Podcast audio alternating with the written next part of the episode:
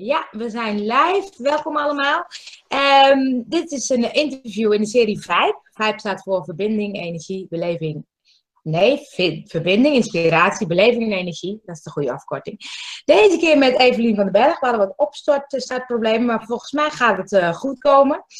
Uh, ik heb Evelien uitgenodigd omdat zij altijd op een prachtige manier de dagen opent van uh, eh, 365 dagen. Dus ik dacht, ik wil eens even horen hoe zij zo tot dit punt gekomen is. Dus wil eerst eens vertellen wie je bent en wat je doet? nou, ik ben Evelien van den Berg en ik ben actrice en zangeres. En in die hoedanigheid maak ik mijn eigen theatervoorstellingen.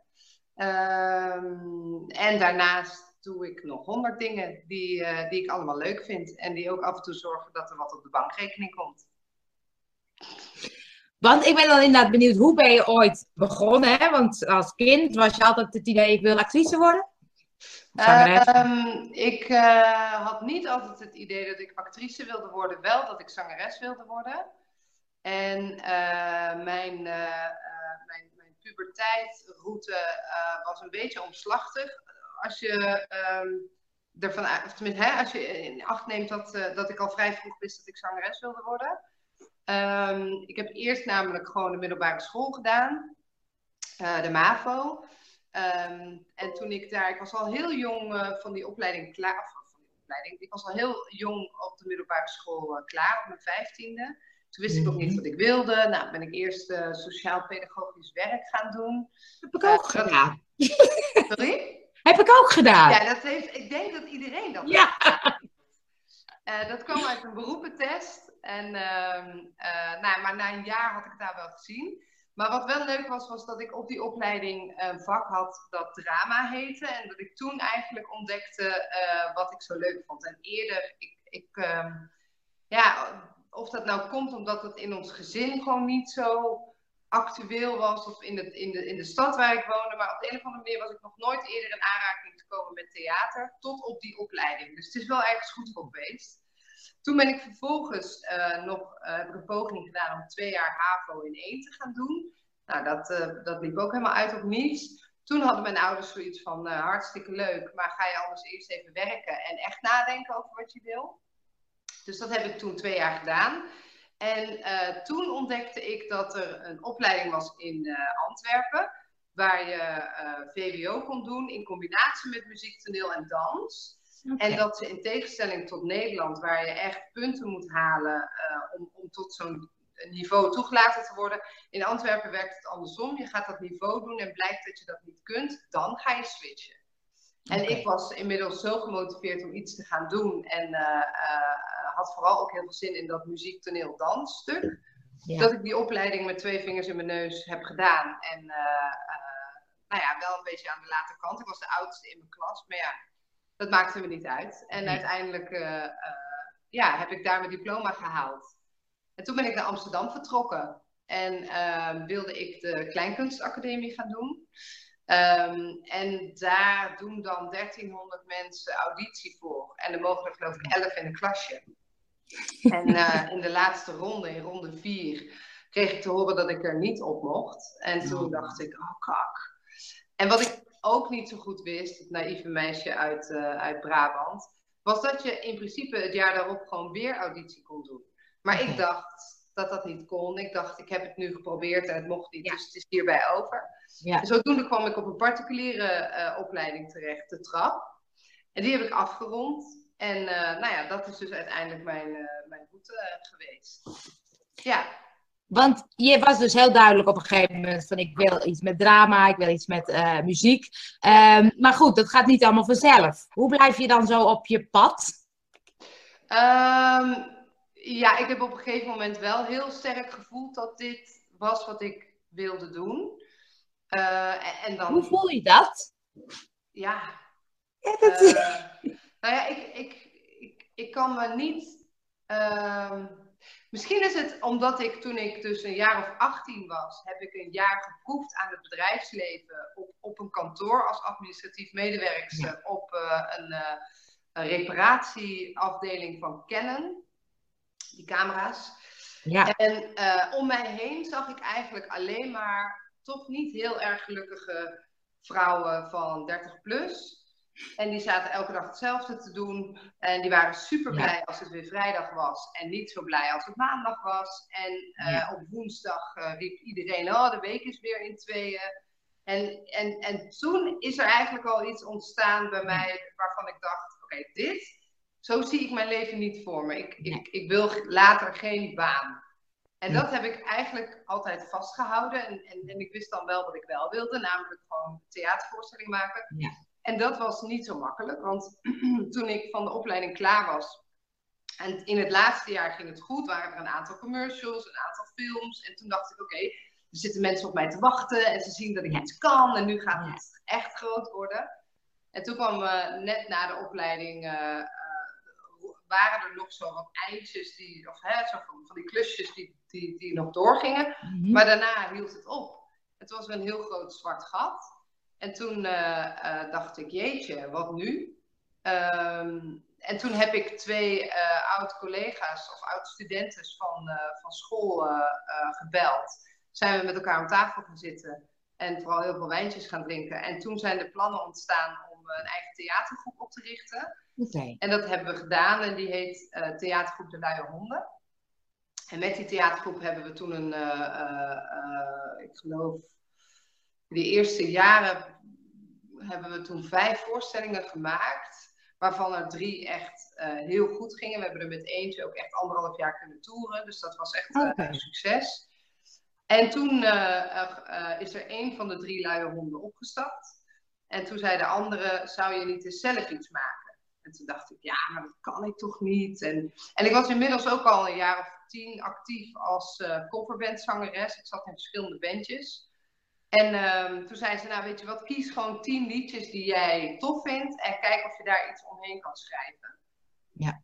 Nou, en zo ben ik uh, in 2012 voor het eerst achter mijn laptop beland. En uh, nou ja, het was gewoon alsof ik uh, diarree had. Het bleef maar uit mij stromen en ik, ik kon er geen genoeg van krijgen. En ik voelde de hele tijd de noodzaak om, om iets met, om, om, om grappig te zijn in mijn teksten. Maar ja, ik dacht, ik weet natuurlijk helemaal niet of mensen dat ook zo gaan ervaren straks. Nou, toen heb ik die voorstelling gespeeld. Uh, heb ik dus zelf uh, een theater gebeld uh, en gezegd van ik wil graag komen spelen. ik woonde toen in Amsterdam, maar ik ben geboren getogen Roosendaalse. Dus ik wilde ook graag in de Schouwburg in Roosendaal spelen. En dat mocht. Dus um, nou ja, zodoende heb ik daar toen, heb ik op beide plekken toen gespeeld. En toen uh, zat ik op de vloer in de voorstelling. En toen landde ik. En alles waar ik tot, dat, tot op dat moment twijfels over gehad had, die, die verdwenen letterlijk in dat moment. Omdat ik dacht, holy fuck. Ik heb gewoon hier een hele zaal met mensen die speciaal hier naartoe gekomen zijn voor mij. Die geen idee hebben wat ik ze ga brengen. Maar er kennelijk vertrouwen in hebben en daar uh, geld voor een kaartje voor over hebben nou, dat was zo'n rijkdom. Dat, de, ja, dat, nou ja. Eh, dus toen was het gewoon, was ik helemaal met alles oké. en dat was fijn. En toen, um, en ik merkte dus dat uh, de zaal wel degelijk moest lachen om mijn grapjes. Dus dat was ook. Dat is fijn. En ik was als, als zangeres wel gewend dat mensen na een optreden kwamen zeggen van, nou, dat was tof en mooi gezongen en zo. Maar nu kwamen ze na de voorstelling me een soort van je moet hiermee doorgaan. Dit is goud. Dat ik dacht, oké, dank je. Nou, dan ga ik, dat, ga ik eens even kijken. En toen heb ik, uh, om gelijk maar weer een, eh, een, eh, stok achter de deur te hebben, heb ik me ingeschreven voor een cabaretfestival. Want ik dacht, ja, dan wil ik wel gelijk weten hoe grappig ik dan ben. Mhm. En daar heb ik een nieuwe voorstelling voor geschreven van uh, 20 minuten. En, die, en daar heb ik aan meegedaan en die heb ik gewonnen. en toen dacht ik, Oh shit. Ik die had je, viel weg, die had je gewonnen. Ja, die heb ik gewonnen, ja. ja, ja, ja. Ik kreeg uh, in de halve finale de juryprijs en in de finale de vakjuryprijs. Prachtig. Ja, ja. Zei ik nou de halve finale juryprijs? Nee, de halve finale publieksprijs en in de finale de juryprijs. Ja. Nou ja, en toen uh, uh, dacht ik, nou, dit is tof. Dan wil ik nu een avondvullende voorstelling maken. En inmiddels stond ik ook niet meer achter het materiaal van die 20 minuten. Dus toen heb ik een nieuwe voorstelling geschreven van anderhalf uur. Wederom theater gebeld, gezegd ik kom, ik heb geloof ik in april gebeld en ik ben in januari uiteindelijk in première gegaan. En ik had dan in augustus nog een uh, festival uh, uh, geregeld, zodat ik op de helft van het jaar ongeveer een half programma zou hebben. En die zou dan daar kunnen try-outen. En dan in december, januari. sorry, ik zit naar mijn, naar mijn eigen beeld te kijken en ik denk, het zit mijn haar stom vandaag. nee, nee, helemaal niet. Het vindt alleen maar jij. maar goed, dus toen heb ik in, in augustus dus try-outs gedaan. En dat was ook echt te gek. Um, je, heb je zo je eigen tent op een festival en nou ja, dan begin je en je hebt geen idee of dat gaat lukken. Ja. En uh, als dan na drie, vier voorstellingen al de rest uitverkocht is en je zelfs mensen moet teleurstellen, ja, dan, nou ja, dat is gewoon, dat is gewoon kicken. En dan weet je, oké, dit werkt en, dit is, en ze vinden het leuk. Zelfs mensen die ik niet ken, dus die het mij niet per se gunnen, maar die gewoon ja. hè, blanco naar me ja. komen. En, um, nou ja, en toen in januari uh, uh, de première gespeeld, uh, anderhalf uur lang.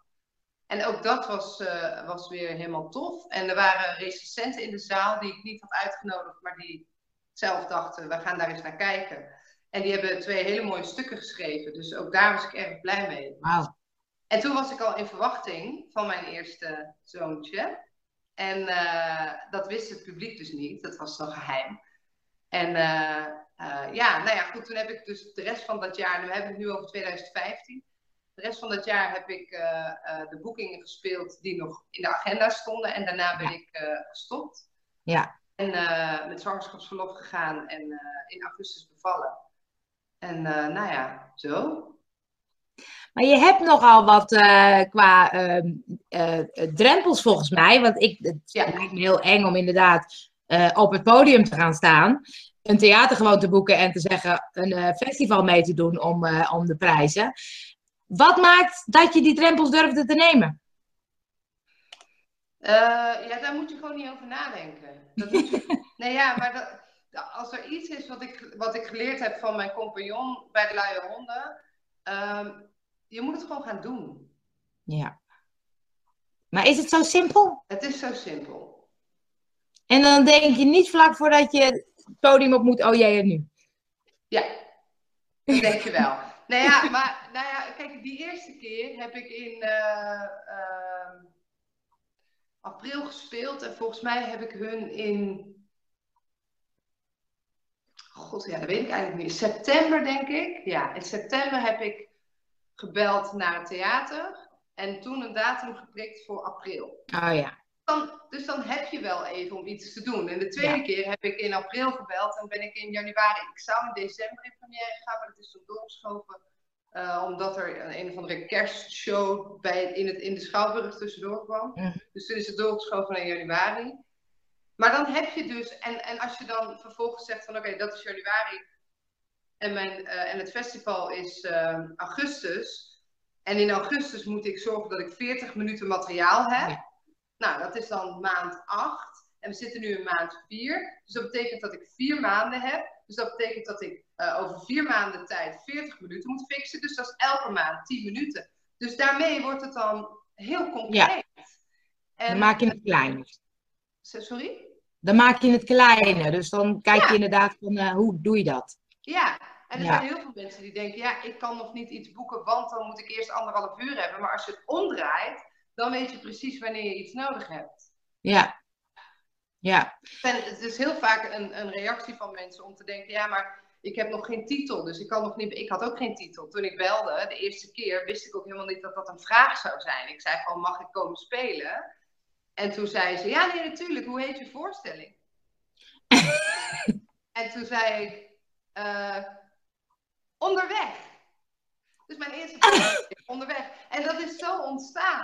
Ja, en dat is grappig. leer je van oké, volgende keer als ik bel moet ik een titel hebben. Dus dan ga je eerder over de titel nadenken. Nou ja, zo. Ja, ja. mooi. En, en heb je dan nu ook een soort um, uh, idee of beeld van, hey, dit is wat ik nog wil, of zo zou het moeten gaan, of laat je het gewoon ontstaan? Nee, ik heb uh, zeker een, uh, een, beeld. Nou, dit is trouwens wel een goede vraag. Ik had altijd een beeld van, nou, um, uh, waar ik naartoe wilde of zo, maar het was dan te weinig concreet. Dus ik wist wel van, het zou mij heel erg tof lijken als ik um, elk jaar bijvoorbeeld één voorstelling kan maken en die gewoon lekker vaak kan spelen. Mhm. En als ik daarnaast dan toffe producties mag doen, dus het lijkt mij bijvoorbeeld echt kicken om een keer nog een, uh, een CD op te nemen met het Metropool, om maar zoiets te noemen. Um, en um, zo had ik wel bepaalde ideeën van, nou, dit wil ik ooit nog doen. Uh, ik zou uiteraard een, een uitverkocht uh, uh, Ziggo Dome nog best wel zien zitten, maar dan wel een show helemaal voor mij. Ja, ja, snap ik. En, um, uh, en zo had ik wel nog wat wensen, maar het was te weinig concreet. En nu heb ik eigenlijk sinds een maand of twee een nieuw idee. Waarbij uh, theater eigenlijk de, het middel is geworden waarmee ik het publiek wil bereiken en niet meer het doel. En dat is heel, uh, daar, daar zit in mijn hoofd in ieder geval echt een mega grote verschuiving. Dus eerst had ik theater en zingen als doel. Dus dat ja. was het enige wat ik wilde doen.